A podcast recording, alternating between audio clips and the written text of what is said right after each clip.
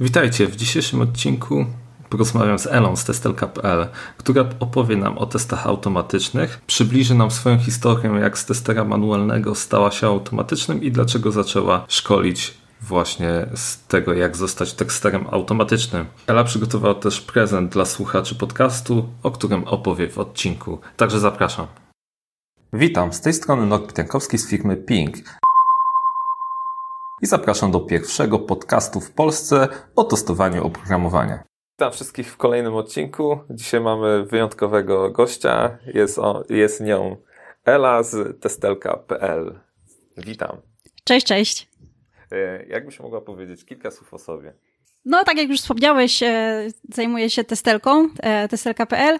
E, tworzę tam kursy online dla testerów. Aktualnie jest to Selenium w Javie. No i jestem testerem z około pięcioletnim doświadczeniem. Prawdę mówiąc, musiałam to sprawdzić na LinkedInie, bo już nie pamiętam.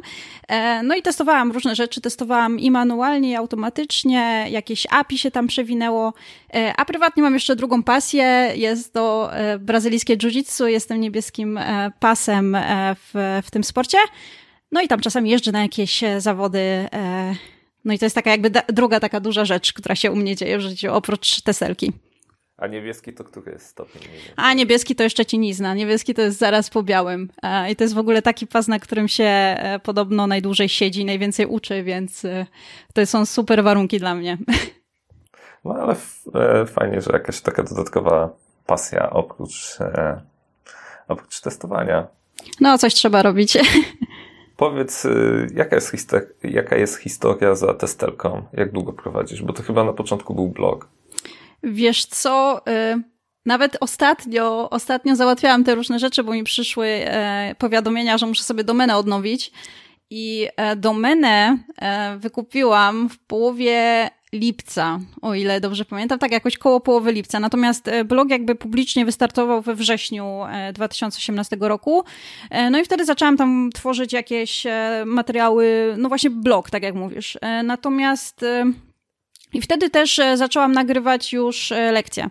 Tylko te lekcje jakby, one jeszcze wtedy nie były udostępniane. Ja tam jakby dwutorowo wtedy szłam, nie? Tam z, jednej strony pisałam te darmowe materiały i artykuły, a z drugiej strony nagrywałam już e, pierwsze lekcje do tego kursu Selenium w Javie. Natomiast kurs sam w sobie ruszył, znaczy jakby sprzedaż ruszyła dopiero w marcu. Więc nie wiem, nie wiem od kiedy to liczyć tak naprawdę. No i też wtedy moja firma ruszyła dopiero w marcu, natomiast jakby sama testelka już gdzieś jest od połowy lipca, powiedzmy, już gdzieś tam nad nią pracuję. A, a powiedz mi, jak wyglądała w ogóle twoja droga w quality? A to w ogóle y, mi się zawsze, jak ktoś o to pyta, to mi się y, przypomina taki y, cytat. Ja nie mam pojęcia, czy to jest cytat, ale on się przewija w internecie i on po polsku brzmi do kitu, po angielsku brzmi dużo lepiej, ale mniej więcej chodzi o to, że sukces jest wtedy, kiedy okazja spotyka przygotowanie. I mm, co ja mam tutaj na myśli? No bo to było tak, że ja miałam trochę szczęścia, ale też byłam już jakby gotowa na to, na to żeby jakby to wykorzystać, tą okazję, którą ja miałam, bo ja y, się przebranżowiłam, nie pracowałam w testach od zawsze, ani w niczym, znaczy to było zawsze gdzieś tam trochę około IT, bo ja zajmowałam się marketingiem internetowym. I e, zajmowałam się tym marketingiem internetowym w firmach, e, no w startupach głównie. I no wiesz, tam jakby siłą rzeczy miałam kontakt z deweloperami i z całym tym ekosystemem. E, gdzieś mnie to zajawiło i jakoś zaczęłam jeździć z chłopakami ode mnie z firmy na różne e, eventy dla programistów. Potem też e, trochę w ramach tych moich działań marketingowo-PR-owych wkręciłam się w employer branding, no to jeździłam też na konferencje i mówiłam o pracy w firmie, w której wtedy pracowałam i jest też taka e, organizacja e, Geek Girls Carrots i o ile się nie mylę, one właśnie organizują Race Girls. To są takie warsztaty dla kobiet e, z Ruby on Rails. To trwało chyba jeden dzień, z tego co pamiętam. Ruby mi totalnie nie siadł, zupełnie nie. Ja już wtedy gdzieś tam próbowałam sobie w Javie dłubać jakoś, nie wiem, ta Java mi dużo, dużo lepiej siadała. Natomiast jakby to, że tam byłam, sprawiło też, że dowiedziałam się w ogóle, że istnieje coś takiego jak QA. E, bo my potem dostaliśmy od organizatorów tego wydarzenia takiego maila, że oni tutaj szukają juniora właśnie do takiego stanowiska i czy my nie chcemy. ja wtedy dopiero zaczęłam googlać, co to jest. Ja już byłam mniej więcej, no nie wiem, już jakoś po około roku chyba e, jakiś tam prób e, m, nauczania siebie samej, jakiegoś tam podstaw programowania i innych takich rzeczy. Ja wcale nie wiedziałam, że idę w testy. Ja nie miałam pojęcia, gdzie idę. Mi się po prostu to wszystko podobało i tak sobie dosyć spontanicznie jakieś tematy rozkminiałam i próbowałam różnych rzeczy. No i jak dostałam tego maila, to wtedy dopiero zaczęłam googlać, co to, co to jest ten QA, bo, bo tam nawet nie było tester w, w tym ogłoszeniu, tylko właśnie quality assurance, coś tam. I ja zaczęłam to googlać i sobie myślałam, kurczę, że to jest strasznie spoko, że ktoś by mi płacił za to, co ja i tak robię, bo jakby w tej swojej pracy e, w obszarze marketingu ja też dużo błędów zgłaszałam, e, które znajdowałam gdzieś tam na stronie. Więc zaaplikowałam tam, byłam na rozmowie, wtedy się nie dostałam, natomiast, no nie wiem, dokładnie jakoś miesiąc później moja firma ogłosiła rekrutację na to stanowisko, gdzie myśmy wtedy za bardzo nie mieli testerów w ogóle w tej firmie. Tam była jedna dziewczyna, która była takim trochę pół testerem, pół deweloperem, że jakiś zespół powolutku zaczął się tworzyć, ale to się działo gdzieś równolegle z tym, jak oni otworzyli tą rekrutację. Wcześniej z tego co się orientuję, nie było za bardzo e, takiego jakby dedykowanego stanowiska. E, no i wtedy zaczęłam coś tam wypytywać. E, chłopaka, który był odpowiedzialny za tę rekrutację, w ogóle śmieszne, bo on był przekonany, że ja pytam dla kogoś znajomego. Ja mu dopiero na końcu powiedziałam, że wiesz co, bo ja pytam, bo ja bym chciała spróbować takiej rekrutacji wewnętrznej. E, no i oni tam e, mieli najpierw rozmowy z jakimiś osobami z zewnątrz, mnie sobie wzięli na koniec, no i tam się udało, e, bo miałam też wiedzę domenową. Więc myślę, że, że to też mogło jakoś tam zaprocentować. I w ogóle, jak ktoś mnie pyta, właśnie jaka jest najprostsza droga, żeby gdzieś tam wbić do testów z jakiejś innej branży, no to mi się wydaje, że to jest jedna z takich, nie wiem, prostszych, ale też takich naturalnych, bo jakby połowy rzeczy już się nie musiałam uczyć. Ja już musiałam się uczyć jakby tylko stricte testowania, produkt już znałam, znałam specyfikę też pracy przy tym produkcie, więc było mi e, jakby trochę łatwiej się też wdrożyć, bo mogłam się już wdrożyć już w to samo mięso, jakby już w same testy. Rozumiem. I później zaczęłaś pracę jako tester. A powiedz, kiedy, kiedy pojawiła się tam myśl, żeby przejść na testera automatycznego? Wiesz co, nie powiem ci dokładnie kiedy, no bo to też nie był taki moment, to był raczej proces, że um, znaczy tam wiele rzeczy się działo. Po pierwsze, e, zauważyłam, że wykonuję dużo powtarzalnych czynności, które na pewno można jakoś zautomatyzować. Mm, a po drugie, jak już zaczęłam, bo ja już gdzieś tam od początku sobie dłubałam w tej Javie i próbowałam jeszcze kilku innych rzeczy, to zauważyłam, że mm, mi się to strasznie podoba. Generalnie programowanie na jakimś tam poziomie, nie mówię, że e, programowanie, żeby od razu iść w programistę, bo prawdę mówiąc to jakoś nigdy mnie to specjalnie nie kręciło, bo wydaje mi się, że praca testera jest w ogóle trochę szersza, a ja lubię robić dużo różnych e, rzeczy, tak bardziej szeroko podchodzić do tematu. E, no i co? I, I kurczę, odkryłam, że wiesz co, mi się strasznie w ogóle podoba programowanie takie samo w sobie i pisanie testów, no wiesz, też jest programowaniem na dobrą sprawę, wiesz, żeby napisać fajny framework testowy, no to trzeba e, ogarniać trochę coś więcej niż, e, niż jakieś takie pojedyncze instrukcje, no wiesz, jak piszesz na przykład w Javie, no to pasowałoby jednak tą Javę na jakimś tam e, poziomie umieć, żeby umieć sobie napisać framework w oparciu o, no nie wiem, na przykład o Page Object Model w Selenium. Więc po prostu wiesz, to wyszło tak trochę naturalnie, że mi, że okazało się, że ja to strasznie lubię. I chciałam tego robić więcej. No i nie powiem, żeby było jakoś tak super prosto na początku, bo um, ja byłam e, wtedy, kiedy jakby już byłam zdecydowana na, na to, że chcę zrobić taki, e, taki skok, to e, byłam e, akurat w firmie, która miała taką, taką specyfikę pracy, że mi było ciężko to zrobić, dlatego że tam był zespół dzielony. Jakby byli testerzy automatycznie osobno i byli testerzy tacy funkcjonalni, powiedzmy osobno.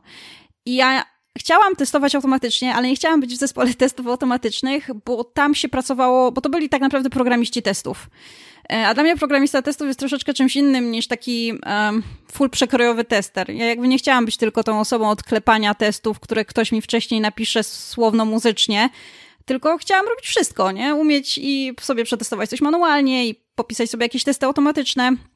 No i tam nie bardzo e, mogłam to zrobić, znaczy próbowałam i nawet tam dostałam jakieś takie zadania e, z automatyzacją, e, ale to też było takie troszkę e, na siłę jakby. Po prostu ja poprosiłam, no to mi coś dali, a nie do końca było to potrzebne, o to chodzi. Więc e, jakby potem też zaczęłam szukać e, trochę innego stanowiska, w którym mogłabym robić e, no wszystko w zasadzie w testach. I znalazłam sobie takie stanowisko, gdzie byłam jedynym testerem w zespole i w zasadzie nic tam nie było.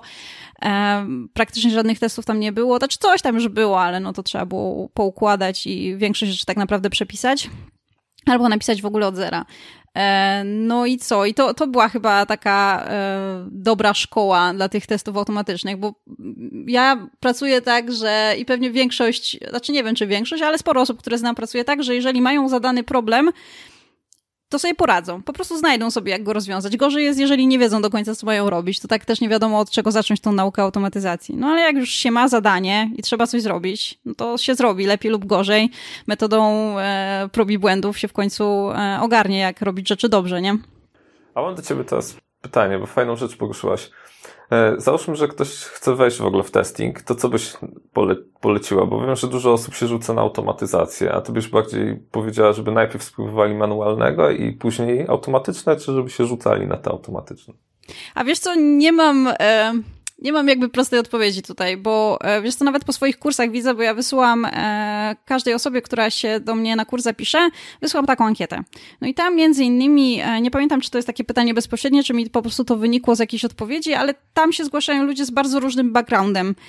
I co ciekawe, ja na przykład dosyć, znaczy długo, nie wiem czy długo, chyba około dwóch lat siedziałam w testach manualnych tylko, zanim zaczęłam wykonywać jakieś tam kroki w kierunku automatyzacji. E, natomiast to, co ja teraz widzę, to, że ludzie po stosunkowo małym doświadczeniu, albo w zasadzie jeszcze z żadnym doświadczeniu komercyjnym, już uczą się testować automatycznie. I wiesz co, ja nie mam przepisu, bo też dużo się zmieniło, e, odkąd ja zaczęłam pracę, bo kiedy ja zaczynałam, no to było 5 lat temu, to było stosunkowo łatwo się jakby wkręcić w testy, teraz już nie jest tak prosto, więc ja nie potrafię jakby mm, jednoznacznie odpowiedzieć, natomiast y, moim zdaniem ta wiedza taka, którą można wynieść z testów manualnych, szalenie się przydaje, jak się zaczyna pisać testy automatyczne. E, bo to jest trochę tak z tym testowaniem, że to jest jakiś tam mindset. Tutaj się zmienia tylko to, że stosujemy po prostu jakąś inną drogę do zapewnienia podobnych rzeczy. Znaczy, no powiedzmy, też nie do końca, bo testy automatyzujące e, nie zawsze wyręczą nas w testach manualnych, e, ale to się przydaje. Ta wiedza się na pewno przydaje, no bo wiemy też, łatwiej będzie nam projektować testy automatyczne, jeżeli mamy jakieś doświadczenie w testach manualnych. Natomiast y, ja nie mówię, że trzeba. Nie wiem, czy trzeba. Pojęcia nie mam, więc nie, nie umiem odpowiedzieć jednoznacznie na to pytanie. Spoko. E, to powiedz mi, skąd pomysł na tworzenie kursów? A to też jest, e, znaczy, bo w ogóle e, mi gdzieś zawsze po głowie chodziło, żeby mieć coś swojego, żeby mieć po prostu jakiś tam swój biznes. Tylko nie wiedziałam, co by to miało być. No i jakoś tak, jak zaczęłam pisać te testy, znaczy jak zaczęłam się rozwijać w testach automatycznych i szukałam sobie materiałów, żeby się z nich uczyć, no to zauważyłam jedną rzecz, która mnie trochę zaskoczyła, prawdę mówiąc, no bo jest takie parcie straszne na to IT, więc myślałam, że ej, super, to ja sobie znajdę zaraz tutaj jakiś kurs po polsku i będzie super. I, I no nie, no nie było, no nie znalazłam, po prostu nie znalazłam żadnego kursu po polsku, e, przynajmniej nie w takiej formie wideo, a ja lubię tą formę, bo mogę zobaczyć dokładnie, gdzie ludzie klikają. W sensie, gdzie klika instruktor, bo czasami niektóre e, jakby problemy, które ja miałam, jak się uczyłam, z takich kursów, które były pisane, to było to, że ktoś pisał, no i potem sobie klikasz tutaj, robisz sobie tamto, tamto i coś tam, nie? I na przykład nie, nie mówił ktoś o jakimś kroku, który jemu się wydawał oczywisty, że trzeba jeszcze coś po drodze przeklikać. I to widać wszystko na wideo. Więc ja sobie szukałam kursu wideo i najlepiej po polsku, bo można się śmiać, że my wszyscy umiemy język angielski. No oczywiście, że umiemy, ale jak się uczy czegoś pierwszy raz, to mi się wydaje jednak, że znaczy wydaje, no na pewno jest dużo prościej się nauczyć w swoim własnym języku niż, niż w języku angielskim, gdzie wszystkie pojęcia są nowe, a oprócz tego dochodzi jeszcze ten język i w ogóle poziom abstrakcji jest w ogóle w kosmos. E, więc e, no ja byłam troszeczkę zaskoczona tym, że nie ma takiego kursu. Więc jak już się tam po jakimś czasie ogarnęłam sama z tymi tematami, tam po tych dwóch czy trzech latach, dwóch chyba, albo trzech? No nie wiem, nie, nie, nawet nie wiem ile już automatyzuję, prawdę powiedziawszy. Wydaje mi się, jakbym zawsze to robiła. I e, jak, już, jak już ogarnęłam to na tyle, że, że zaczęłam w ogóle spontanicznie ludziom tłumaczyć, jak rzeczy robić, nie? E, I, I tak, więc pierwsza rzecz była taka, że nie było kursu po polsku i gdzieś mnie to tam męczyło, a druga rzecz była taka, że zauważyłam, że ja i tak to robię spontanicznie, w sensie i tak spontanicznie tłumaczę ludziom rzeczy i ludzie lubią, jak im tłumaczę. Przynajmniej ci, którym tłumaczyłam do tej pory. Yy, I jakoś tak to mi się urodziło, że okej, okay, zawsze chciałam mieć coś swojego. Z drugiej strony widzę, że nie ma kursu po polsku, co mnie na przykład męczyło i było dla mnie jakimś tam jakąś tam, znaczy nie powiem, że barierą znowu, bo, bo i tak to przeskoczyłam jakoś, ale wiesz, nie dla każdego to musi być takie proste, żeby gdzieś tam grzebać po jakichś dokumentacjach albo po jakichś materiałach w języku angielskim. E, więc stwierdziłam, że okej, okay, no to spróbujemy to połączyć, czyli tą moją jakąś tam chęć na budowę czegoś swojego e, z tym, że widzę, że nie ma takiego materiału, a powinien być Naprawdę, powinien być. Ja byłam tak szalenie zaskoczona tym, że nic takiego jeszcze nie ma przy, przy takim, e, za przeproszeniem, ssaniu na, na, na rynku IT, że, że po prostu stwierdziłam, że to zrobię i zobaczymy, jak będzie. Zobaczymy, czy w formie online ludziom to też się podoba, czy mi się podoba taka praca, czy chcę to robić. E, no i na razie wychodzi mi, że chcę. I na razie wychodzi mi też, że, że ludziom się to podoba. Przynajmniej tym, których e, póki co mam e, u siebie na platformie w ramach kursu to jak już doszliśmy do platformy, to powiedz mi, bo ty masz kursy w abonamencie. Co tak. Pomysł na abonament. A to w ogóle y, długo się biłam z myślami, bo to nie jest tak, że, że ja od razu widziałam, ha, to będzie abonament, będzie świetnie. Nie, wcale nie wiedziałam. Ja, prawdę mówiąc, miałam strasznie dużo wątpliwości. Tylko tutaj też jakby y, zagrało kilka rzeczy. Znaczy, ja nie chciałam robić kursu, bo tak... Mm, jakby ciężko by mi było, wiesz, jak myślałam o cenie kursu takiego, który byłby sprzedawany jednorazowo, ja nie chciałam robić kolejnego kursu, który będzie kosztował tam miliony monet i bariera wejścia będzie finansowa przynajmniej e, dosyć wysoka. Ja chciałam zrobić coś takiego, do czego ludzie będą mieli e, taki, powiedzmy, prostszy dostęp finansowo. Poza tym to też rozwiązuje problem jakiegoś tam okresu próbnego, jak, jak ten okres próbny zrobić, czy pokazać część materiału. Wiesz, to tego nie ma, bo jak, jak jest subskrypcja, no to wiesz, 60 zł miesięcznie, taka jest aktualnie cena tego kursu, to nie jest taki wydatek, żeby nie móc wydać i zobaczyć. A od razu, wiesz, jak, e, jak się zapiszesz na jeden miesiąc, to masz od razu wszystkie materiały. To nie jest tak, że ja je jakoś tam dozuję. Nie, no po prostu wchodzisz i masz wszystko, więc możesz sobie zobaczyć, czy tam jest akurat to, czego potrzebujesz. Mm, poza tym, jeżeli potrzebujesz tylko części, no to nie płacisz za całość, tylko płacisz jakby za ten czas, który wykorzystasz. I jakoś mi się to bardziej spinało. A druga rzecz jest taka, że to też wynikało z tego, że ja nie chciałam e, po prostu prostu sprzedać kursu i zostawić ludzi samych i sobie róbcie i, i tyle, i cześć. Nie, ja właśnie chciałam e, jakieś tam wsparcie też e, jakby z tym kursem dostarczyć, bo kurs to nie tylko materiał wideo, e, przynajmniej nie na mojej platformie, to jest też to, że ja nie chcę, żeby ktoś się zapisał i czegoś nie wiedział. Wiesz, jeżeli coś jest niejasne na, na jakimś filmie albo coś jest dalej niezrozumiałe, no to ja tam jestem właśnie po to, żeby te wszystkie wątpliwości rozwiać, żeby nikt nie został e, nie wiedząc czegoś. E, I łatwiej mi to było właśnie wpiąć w taki model abonamentowy. E, no i doszła jeszcze trzecia rzecz, i trzecia rzecz jest już związana z tym, w jaki sposób ja pracuję. Mi jest bardzo łatwo zaczynać, ale niekoniecznie tak łatwo kontynuować. Ja się dosyć e, szybko nudzę, e, a taki model wymusza na mnie konsekwencje. E, I bo ja ma, zrobiłam to tak, że e, jak się zapisują, jak się zapisuje, zapisujesz do mojego kursu, no to masz tą gwarancję, że ja tam co tydzień wrzucam nowy materiał. No i nie ma zmiłuj. Po prostu nie ma zmiłuj święta, nie święta, po prostu muszę wrzucić ten nowy materiał. E, I, I to też pomaga mi, jakby, wiesz, więc tu jest dużo rzeczy. Tu jest raz, że właśnie chciałam e, zrobić coś takiego, e, co nie będzie jakoś kosztowało miliony monet, ale druga rzecz jest też taka, że to pomaga trochę mi w byciu konsekwentną. Więc jest idealnie, idealnie. Wszystko po prostu, wiesz, wszystko się mi na razie elegancko spięło i na razie bym się nie zamieniła na, E, na ten model taki e, płatności jednorazowej. Miałam bardzo dużo wątpliwości na początku, ale teraz już e, wydaje mi się, że wszystkie rozwijałam sobie samej. Nie, no ma to sens, biorąc pod uwagę właśnie tego, że no, dużo ludzi ma tak, że no, z, zaczyna z zapałem, a później gdzieś ten zapał się kończy, a tutaj jak już jest jakby odgórna deklaracja, no to jest nawet łatwiej później kontynuować. A powiedz mi, bo teraz w ofercie masz Mm, Java dla testerów i Selenium od zera, ale też już zbliża się e, powoli kurs C Sharpa. To znaczy tak, y, Java dla testerów jest darmowa, więc tam sobie można po prostu nic się nie trzeba rejestrować ani nic takich rzeczy, tylko po prostu tam są filmy u mnie na stronie, więc można sobie wejść i, i przerobić. Tak, jest, jest, jest Selenium w Javie i to jest jakby w ramach e, subskrypcji. Natomiast jeżeli chodzi o C Sharpa, no właśnie, bo ja tego nie powiedziałam, ale gdzieś tam zaczynałam od Java, ale potem tak jakoś się moja kariera potoczyła, że wyrzuciła mnie w C Sharpa i w zasadzie to ja gdzieś tam w tych obu językach się poruszam, e, zwłaszcza, że one są dosyć podobne e, do siebie. E, I I co? No, z, z tym C-Sharpem to cały czas zbieram e, grupę osób chętnych, e, bo od tego, ile osób będzie chętnych, będzie ostatecznie zależało, czy rozpocznę e, pracę nad tym kursem. Nie chcę jeszcze obiecywać, ale na razie wygląda to dobrze. W sensie liczba chętnych jest taka, że prawdopodobnie e, odpalę, odpalę pracę nad tym kursem, natomiast nie chcę na 100% obiecywać.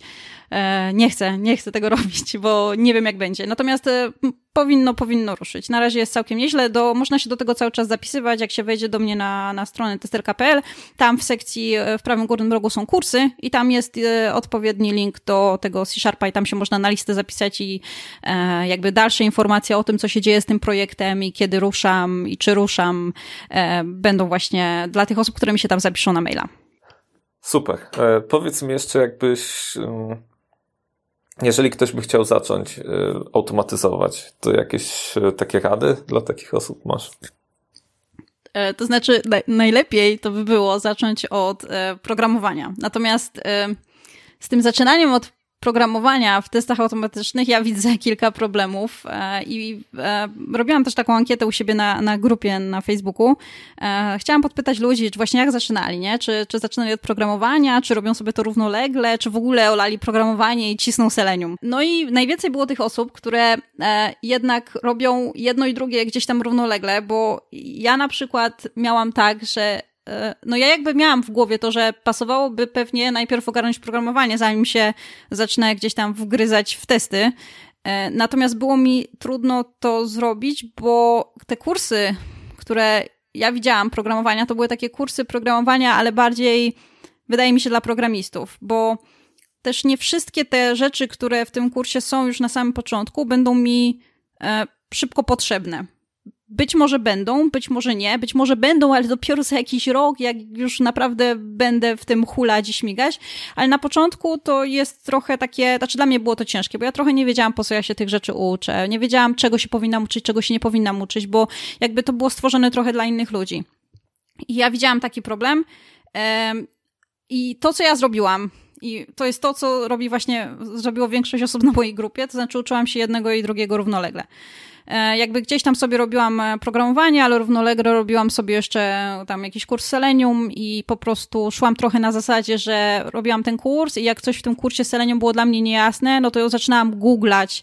E, aha, no bo ja akurat Selenium się uczyłam na C-Sharpie, więc zaczęłam sobie googlać jakieś zagadnienie dotyczące programowania, które pojawiło się w tym kursie Selenium, żeby zrozumieć, co w tym kursie Selenium jest. No ja wiem, że to jest nie do końca taka, taka mm, spójna droga, więc ja potem też jeszcze wróciłam jeszcze raz do programowania, ale wtedy już z takim już wtedy bardziej wiedziałam, czego powinnam się uczyć, bo już przerobiłam sobie gdzieś tam to selenium, już coś tam wiedziałam, w którym kościele dzwoni, więc potem jak już wróciłam do tego programowania, jeszcze taką drugą iterację zrobiłam, żeby sobie uporządkować tą wiedzę programistyczną, no to, to już jakby też wiedziałam, e, co będzie ważne, a co może niekoniecznie na tym etapie, nie? Natomiast e, jeżeli chodzi o technologię, to wiesz, ja nie bez powodu zajęłam się akurat selenium, bo wydaje mi się, to znaczy, no, no tak, wydaje mi się i tak uważam, że ta technologia mm, jest najprostsza z tego powodu, że wszystko widać. Dla kogoś, kto ma doświadczenie tylko w testach manualnych i na przykład nie grzebał nigdzie w API, no to API to jest jakaś abstrakcja w ogóle. I mi się wydaje, że jednak prościej jest zacząć od Selenium niż tam się rzucać na jakieś API. Jeżeli ktoś się czuje na siłach, no to oczywiście, że ja nie widzę żadnego, e, wiesz, problemu w tym, żeby zacząć od innej technologii. Natomiast z mojego doświadczenia wynika, że jednak łatwiej ludziom, którzy do tej pory zajmowali się jedynie testami manualnymi, ogarnąć Selenium, bo Selenium jest bardzo wizualne, ono robi to, co by zrobił user, nie? Czyli klika tam, wprowadza jakieś dane i tak dalej. I e, i wydaje mi się, że to jest najprostsze na początku, po prostu, tak wiesz, wizualnie, żeby to zrozumieć, co to robi, bo to robi dokładnie to, co my byśmy zrobili, klikając po aplikacji w większości przypadków.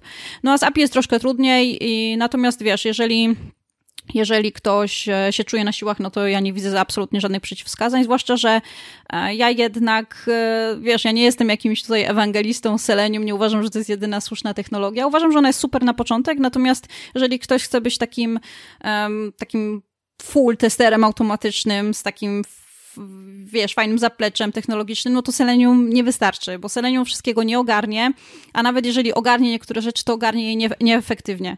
E, więc e, ja jestem bardzo daleka od mówienia, że tylko Selenium i w ogóle, albo że Selenium musi być koniecznie pierwsze. Natomiast uważam, że w większości przypadków jest super na początek. A powiedz mi, jak Twoim zdaniem wygląda przyszłość branży, jeżeli chodzi właśnie o testy automatyczne? No, to jest w ogóle, to jest w ogóle śmieszne pytanie, bo e, znaczy odpowiedzi są z reguły śmieszne, dlatego że ja już od kilku lat słyszę, że o, hurdur, że tutaj nas e, wykosi sztuczna inteligencja. Na razie nic takiego się nie dzieje. E, natomiast to, co ja widzę, no to właśnie to, co, e, jeżeli chodzi jakby o przyszłość testów automatycznych, e, to to, co ja widzę, że się zmienia, to czy wiesz, ja to widzę jakby w swojej bańce informacyjnej, więc nie wiem, czy to jest prawda absolutna, czy tylko jakaś tam moja lokalna. Natomiast to, co ja widzę, to właśnie to, że ludzie troszkę wcześniej interesują się automatyzacją, zaczynając w ogóle testować i że też kierują e, się bardziej w kierunku, znaczy właśnie kiedyś było tak, takie mam wrażenie, że było tylko to selenium, że automatyzacja znaczy selenium i koniec i nic więcej. E, a teraz właśnie widzę, że ludzie gdzieś tam nawet po tej, po tej naszej grupie testowania oprogramowania to widać, że, że pytają bardziej o testy API, o testy serwisów, o w ogóle jakieś zupełnie już niszowe rzeczy. E, I to jest fajne. Widzę też pewne rozproszenie, jeżeli chodzi o technologię. E, w sensie widzę, że jest używanych więcej języków programowania, więcej różnych bibliotek i to jest strasznie fajne, dlatego że wydaje mi się, że nam troszeczkę e, brakowało czegoś takiego, że, że było tylko, była jakby tylko ta jedna jakby droga rozwoju, a ileż można klepać selenium w Javie, to się może w końcu znudzić. więc wydaje mi się, że to, wiesz, że, że, że takie będzie jeszcze bardziej się to wszystko rozpraszało i to fajnie. E, I że będzie troszkę mniej testów Selenium i zaczniemy trochę e, więcej e, automatyzować technologiami, które są jakby bardziej odpowiednie do warunków, w których testujemy. Czyli, no mam tutaj na myśli, że po prostu nie wszystko jest sens testować po, po UI-u. Z mojej strony to są wszystkie pytania, natomiast, natomiast wiem, że przygotowałaś prezent dla słuchaczy który będzie dostępny lada dzień pod adresem testelka.pl łamane na top. Jakbyś mogła kilka słów powiedzieć? Tak, testelka.pl łamane przez top, tak jak testowanie oprogramowania podcast, żeby nikt nie miał wątpliwości. Yy, no tak, bo dzisiaj, yy, dzisiaj, czyli w dniu, w którym e, nagrywamy ten podcast, e, ja u siebie na platformie odpalam e, w ogóle fajerwerki, tam będzie system punktowy i cuda na kiju.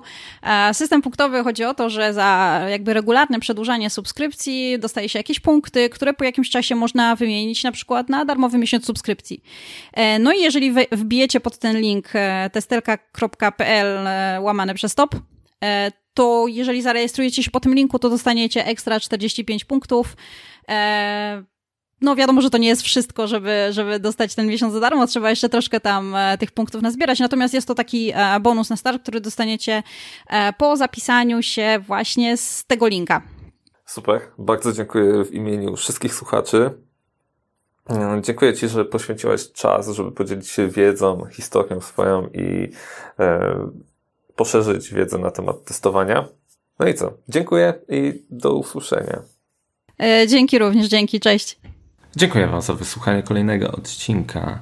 Pamiętajcie, że na stronie podcasttestowanie.pl jest zakładka książki, w której znajdziecie książki poświęcone testowaniu. Znajdziecie też zakładkę współpraca, a tam opcję mentoringu. I pamiętajcie, że zawsze możecie wesprzeć ten podcast poprzez platformę Patronite.